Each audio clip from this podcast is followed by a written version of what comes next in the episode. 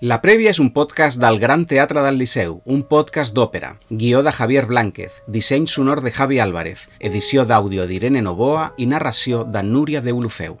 En aquest capítol parlarem d'Alexina B, una òpera de nova composició de Raquel García Tomàs amb llibret de Iguen Guegó i direcció d'escena de Marta Pazos, que tindrà la seva estrena absoluta al Liceu el 18 de març, sota la direcció del mestre Ernest Martínez Izquierdo. Serà, per tant, un dels grans esdeveniments d'aquesta temporada al teatre. Alexina B és un projecte que gira al voltant de la vida de Colin Barban, un personatge real que va viure a la França de mitjans del segle XIX i que ens ha arribat, gràcies a les seves memòries, com un dels casos millor documentats del que coneixem com a intersexualitat. Les persones intersex, que en aquell temps es deien erròniament hermafrodites, presenten des del naixement característiques sexuals que no semblen encaixar en les definicions típiques de masculí i femení. Aquestes característiques les podem identificar amb variacions de, per exemple, els nivells hormonals, les formes genitals, els patrons cromosòmics o la composició de les gònades. Aquesta condició, mal estudiada i poc compresa en aquell temps, va fer d'Alexina B una persona presonera d'un cos que no comprenia. Això li va portar a la marginació en una societat que no l'acceptava i finalment al suïcidi als 29 anys. Una història tan tràgica com esfereïdora que ara es converteix en òpera de la mà d'un trio de creadores del més alt nivell.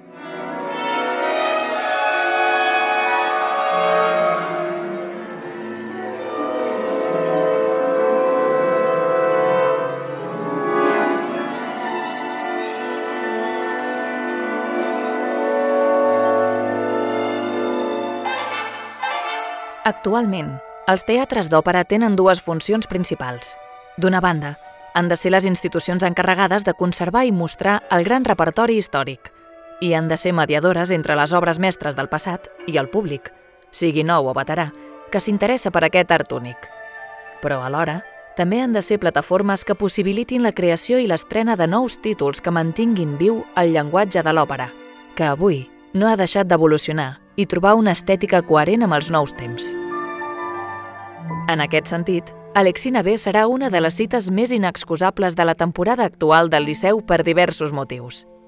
Primer de tot, serà una estrena absoluta, i això sempre genera curiositat i excitació, però sobretot perquè promet ser una altra obra gran de Raquel García Tomàs, una compositora barcelonina que no ha deixat de créixer els últims 15 anys i que ha anat creant amb paciència i tenacitat un dels catàlegs més estimulants de l'actual música contemporània. Hi ha una circumstància interessant que també hem de comentar.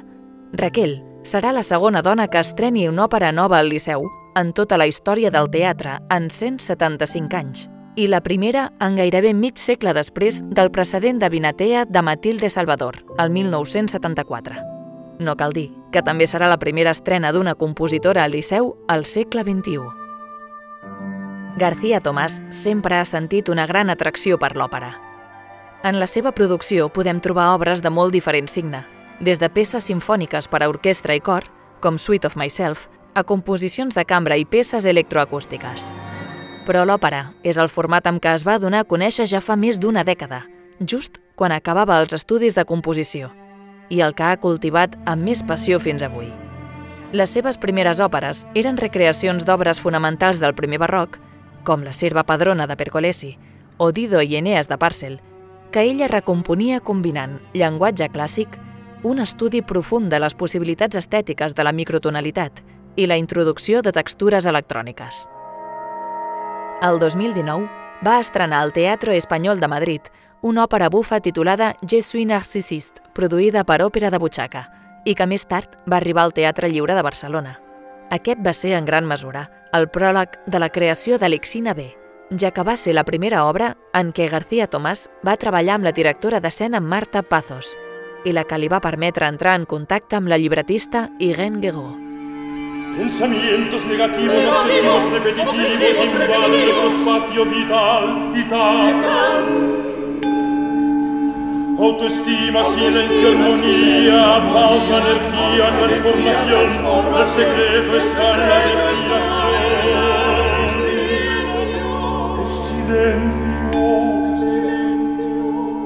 Guegó coneixia les memòries de Colin Bachben i va proposar el text a García Tomàs com a base de treball per a un llibret. Raquel es va entusiasmar amb la història, potent i commovedora, i va decidir involucrar-se juntament amb Marta Pazos en la creació d'una òpera nova. El projecte va rebre el suport d'una beca Leonardo de la Fundació BBVA per a la composició i també del Gran Teatre del Liceu per a la nova producció. I ara, Alexina B és una realitat. El resultat el podrem veure a l'escenari principal del teatre en quatre dates úniques del 18 al 22 de març. Què podem dir sobre aquesta òpera? Com que és una nova creació, ningú l'ha pogut escoltar encara i no començarà a cobrar vida fins que s'iniciïn els assajos i, finalment, s'aixequi el taló de l'estrena. De fet, la música que estem escoltant en aquest podcast és tota de Raquel García Tomàs, però d'obres anteriors, com ara Sonic Canvas, Chanson Trouvé o Mayol Gramophone 1. Però podem avançar diverses coses sobre Alexina B a partir del que ens diu la partitura. La primera és que Raquel García Tomàs en la seva línia de recreació de llenguatges històrics a través d'una òptica contemporània. Ha triat un estil de composició que s'aproxima a l'impressionisme francès de finals del segle XIX, pensant en una petita formació orquestral, una sinfonieta, formada per vents, arpa, piano, secció de cordes i electrònica preenregistrada. L'òpera té una durada total de 140 minuts sense comptar el descans i està dividida en tres actes i 22 escenes breus i líriques, seguint l'estructura de títols llegendaris com Pelé et Mélisande de Claude Debussy. La producció també buscarà construir un estat emocional oscil·lant en el qual s'alteraran episodis de la vida real del personatge protagonista i moments onírics basats en la vocació de records de la infància d'Alexina. Marta Pazos és una directora d'escena que treballa cada projecte amb un llenguatge molt estudiat i fonamentat en colors específics per cada nova producció. En el cas d'Alexina B, ha optat per un entorn dominat pel color verd líquen i on es mostraran les diferents escenes de l'òpera, com si fos una integració d'espais públics i privats. Algunes escenes simbolitzen el món íntim d'Alexina, on es pot sentir a resguard d'una societat hostil que no comprèn la seva condició com a persona intersex. D'altres, en canvi, mostren la brutalitat d'aquesta societat, dominada pels estaments mèdic, judicial i religiós. La música ha estat pensada, a més, per un quintet de veus, que donarà vida als múltiples personatges d'aquesta òpera. El principal d'Alexina, per a veu de mezzo-soprano, l'encarnarà Lídia Vinyas Curtis, que va ser des del principi la cantant escollida per modelar aquest personatge tan líric com tràgic. La soprano Alicia Amo encarnarà Sara, l'enamorada d'Alexina, mentre que la també soprano Helena Copons es repartirà diversos personatges, com la seva mare, el policia que descobreix el cos d'Alexina, Sir Marie Desange, i la seva cap a l'internat, Madame P. El contratenor Xavier Sabata cantarà també diversos papers, entre els quals hi ha el doctor Goujon, l'abat i el jutge. Mare Esteve serà la veu d'Alexina jove i la de Lea, mentre que el cor Vivaldi serà un personatge més a l'òpera per donar veu a les pupil·les del convent i a les alumnes de l'internat, dos espais importants a la vida d'Alexina. Però qui va ser Alexina? Per què és important la seva història? Sobre aquest aspecte, el Javier ens aporta ara més informació. La coloratura. La coloratura. Herculane Barbin, també coneguda com Alexina B, va ser un personatge real que va viure a França entre el 1838 i el 1868, quan el seu cos va ser trobat en les golfes d'un edifici pobre de París. Acabava de fer 29 anys i encara que havia estat protagonista d'un cas mèdic completament singular, que va ser esmentat als diaris de l'època, la seva mort no va provocar cap reacció. Ho havia fet en la pobresa i en l'anonimat més complet. Tot i això, aquestes memòries d'Herculan, acabades de redactar poc abans que decidissin a gas tòxic de la cuina, van estar perdudes durant dècades. El doctor Ranier, el forense que va estudiar el seu cos, les va custodiar inicialment i més tard se les va cedir al seu col·lega Auguste Ambroise Tardier, president de l'Acadèmia Nacional de Medicina Francesa. Tardier va estudiar el text i va publicar extractes a diferents revistes científiques, però mai es van publicar completes, entre altres motius perquè el mateix Tardier va editar el text interessadament i molts dels fragments mutilats s'han perdut per sempre. La part del text que va sobreviure va quedar oblidada als arxius de l'Acadèmia fins que el filòsof Michel Foucault, famós entre altres obres per la seva història de la sexualitat, les va rescatar i va decidir publicar-les al 1978. Les memòries d'Herculan documentaven un cas que encara a finals del segle XX resultava sorprenent i mal estudiat, el de la intersexualitat. Durant molt de temps, a les persones amb la mateixa condició que l'Exina se'ls anomenava hermafrodites, ja que mostraven genitals que no es corresponien plenament amb les categories dels sexes femení o masculí. No obstant això, hermafrodita no és un terme adequat, ja que a la natura designa aquells organismes vius que es poden reproduir per si mateixos, com algunes plantes o mol·luscs, cosa que no és possible en els vertebrats superiors com l'ésser humà. L'hermafrodita pertany a l'àmbit de la mitologia i en particular de la grega. Hermafrodit va ser un fill dels déus Hermès i Afrodita que va treure l'atenció de la naia de Salmacis, una criatura de les aigües. Salmacis es va enamorar d'Hermafrodit, el va arrossegar a les profunditats del riu i va suplicar als déus que els seus cossos es fusionessin per sempre. D'aquesta manera, el nou ésser era masculí i femení alhora. La intersexualitat és una qüestió molt més complexa. Qui tenen aquesta condició no tenen un aparell reproductor identificable ni plenament desenvolupat. La condició intersexual pot presentar diferents variacions. En el cas d'Arculen Bahwan, els seus pares la van veure des del principi com una filla i es va educar en un col·legi per a nenes i com a dona va haver de participar a la societat del seu temps treballant en un internat on va conèixer el gran amor de la seva vida, la Sara, la filla de la directora.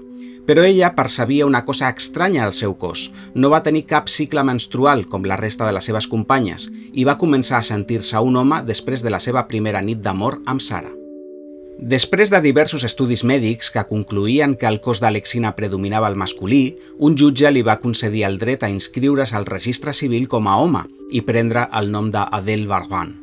En els seus darrers anys va viure, per tant, una vida d'home, però incapaç d'adaptar-se a una societat on seguia sent un cos estrany. Abel Vahvan va escriure les seves memòries i va acabar suïcidant-se.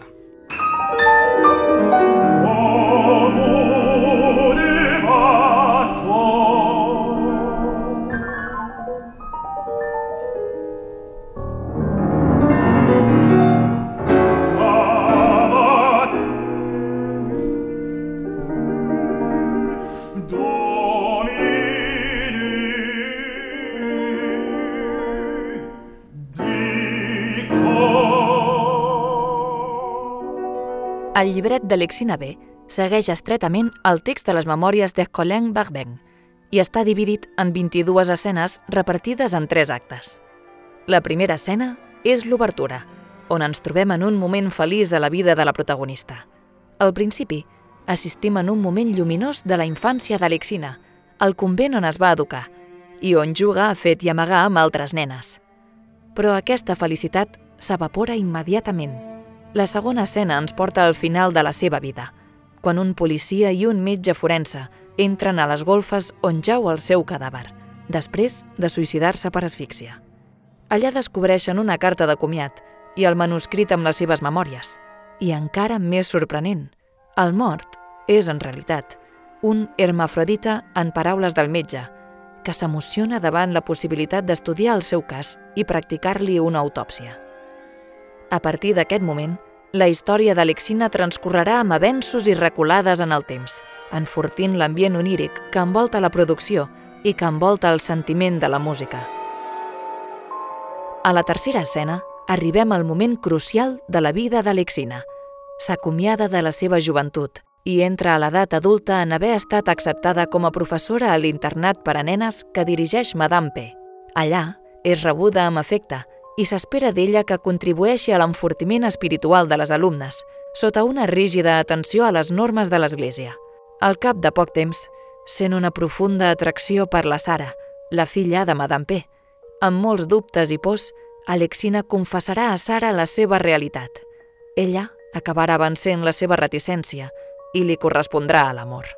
La vuitena escena de l'òpera se centra en la primera trobada sexual entre Alexina i Sara.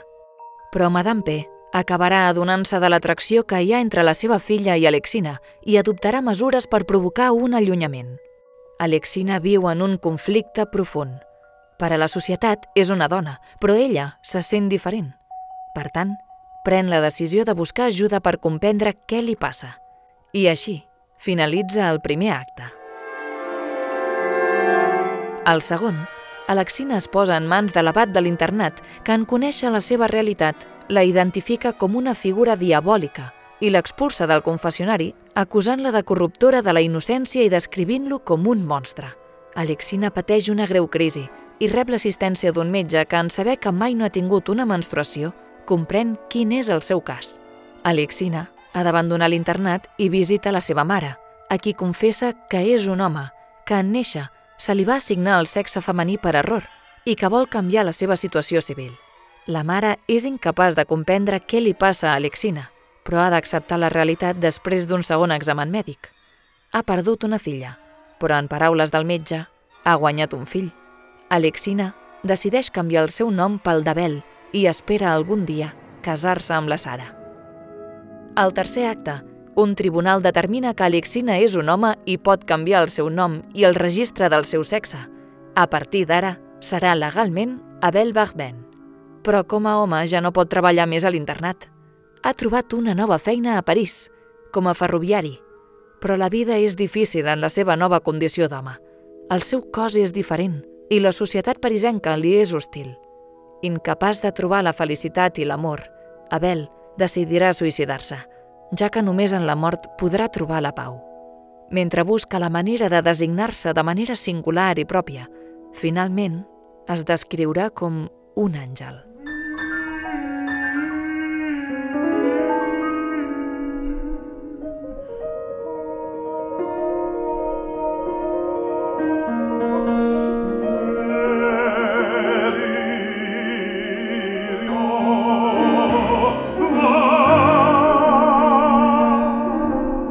D'una òpera nova, és normal sentir simultàniament una sensació d'excitació i vertigen.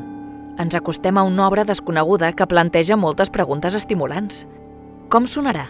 Tindrà el poder de seducció suficient per perllongar-se durant anys als cartells de teatres internacionals? Serà, en definitiva, un proper clàssic que marqui el desenvolupament actual i el futur de l'òpera? Totes aquestes preguntes encara no les podem resoldre però hi ha una sèrie d'aspectes interessants al voltant de l'Exina B que fan que aquesta proposta sigui sumament atractiva.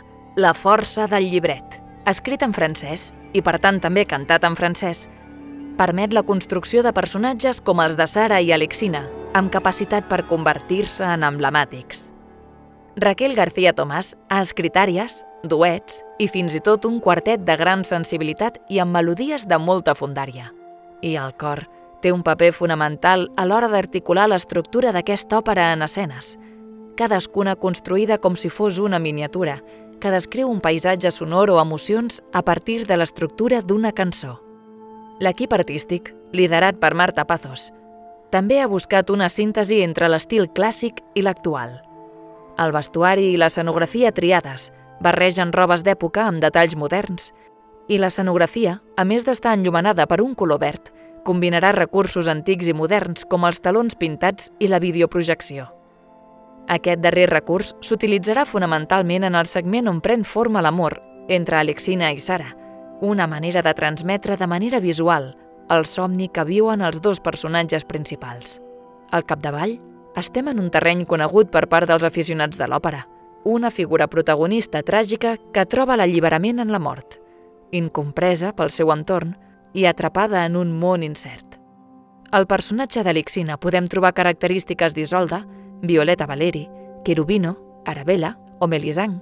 És a dir, hi ha una confusió emocional i de rol sexual que té innombrables referències al llarg de la història de l'òpera per poder-la sentir propera i que ens ajudaran a guiar-nos en les emocions que promet despertar aquesta nova òpera, a la que desitgem una llarga vida.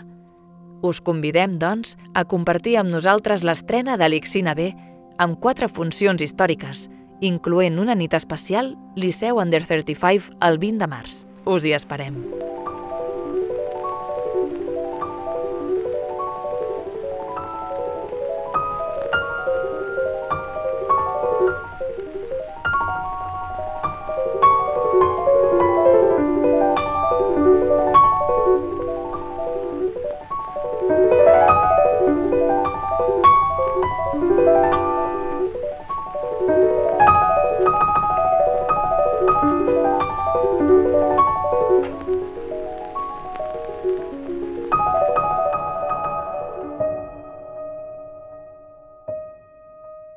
I fins aquí la prèvia d'Alexina B, un podcast que busca complementar i enriquir les òperes del Liceu, produït per La Màquina de Luz i amb la participació del Gran Teatre del Liceu.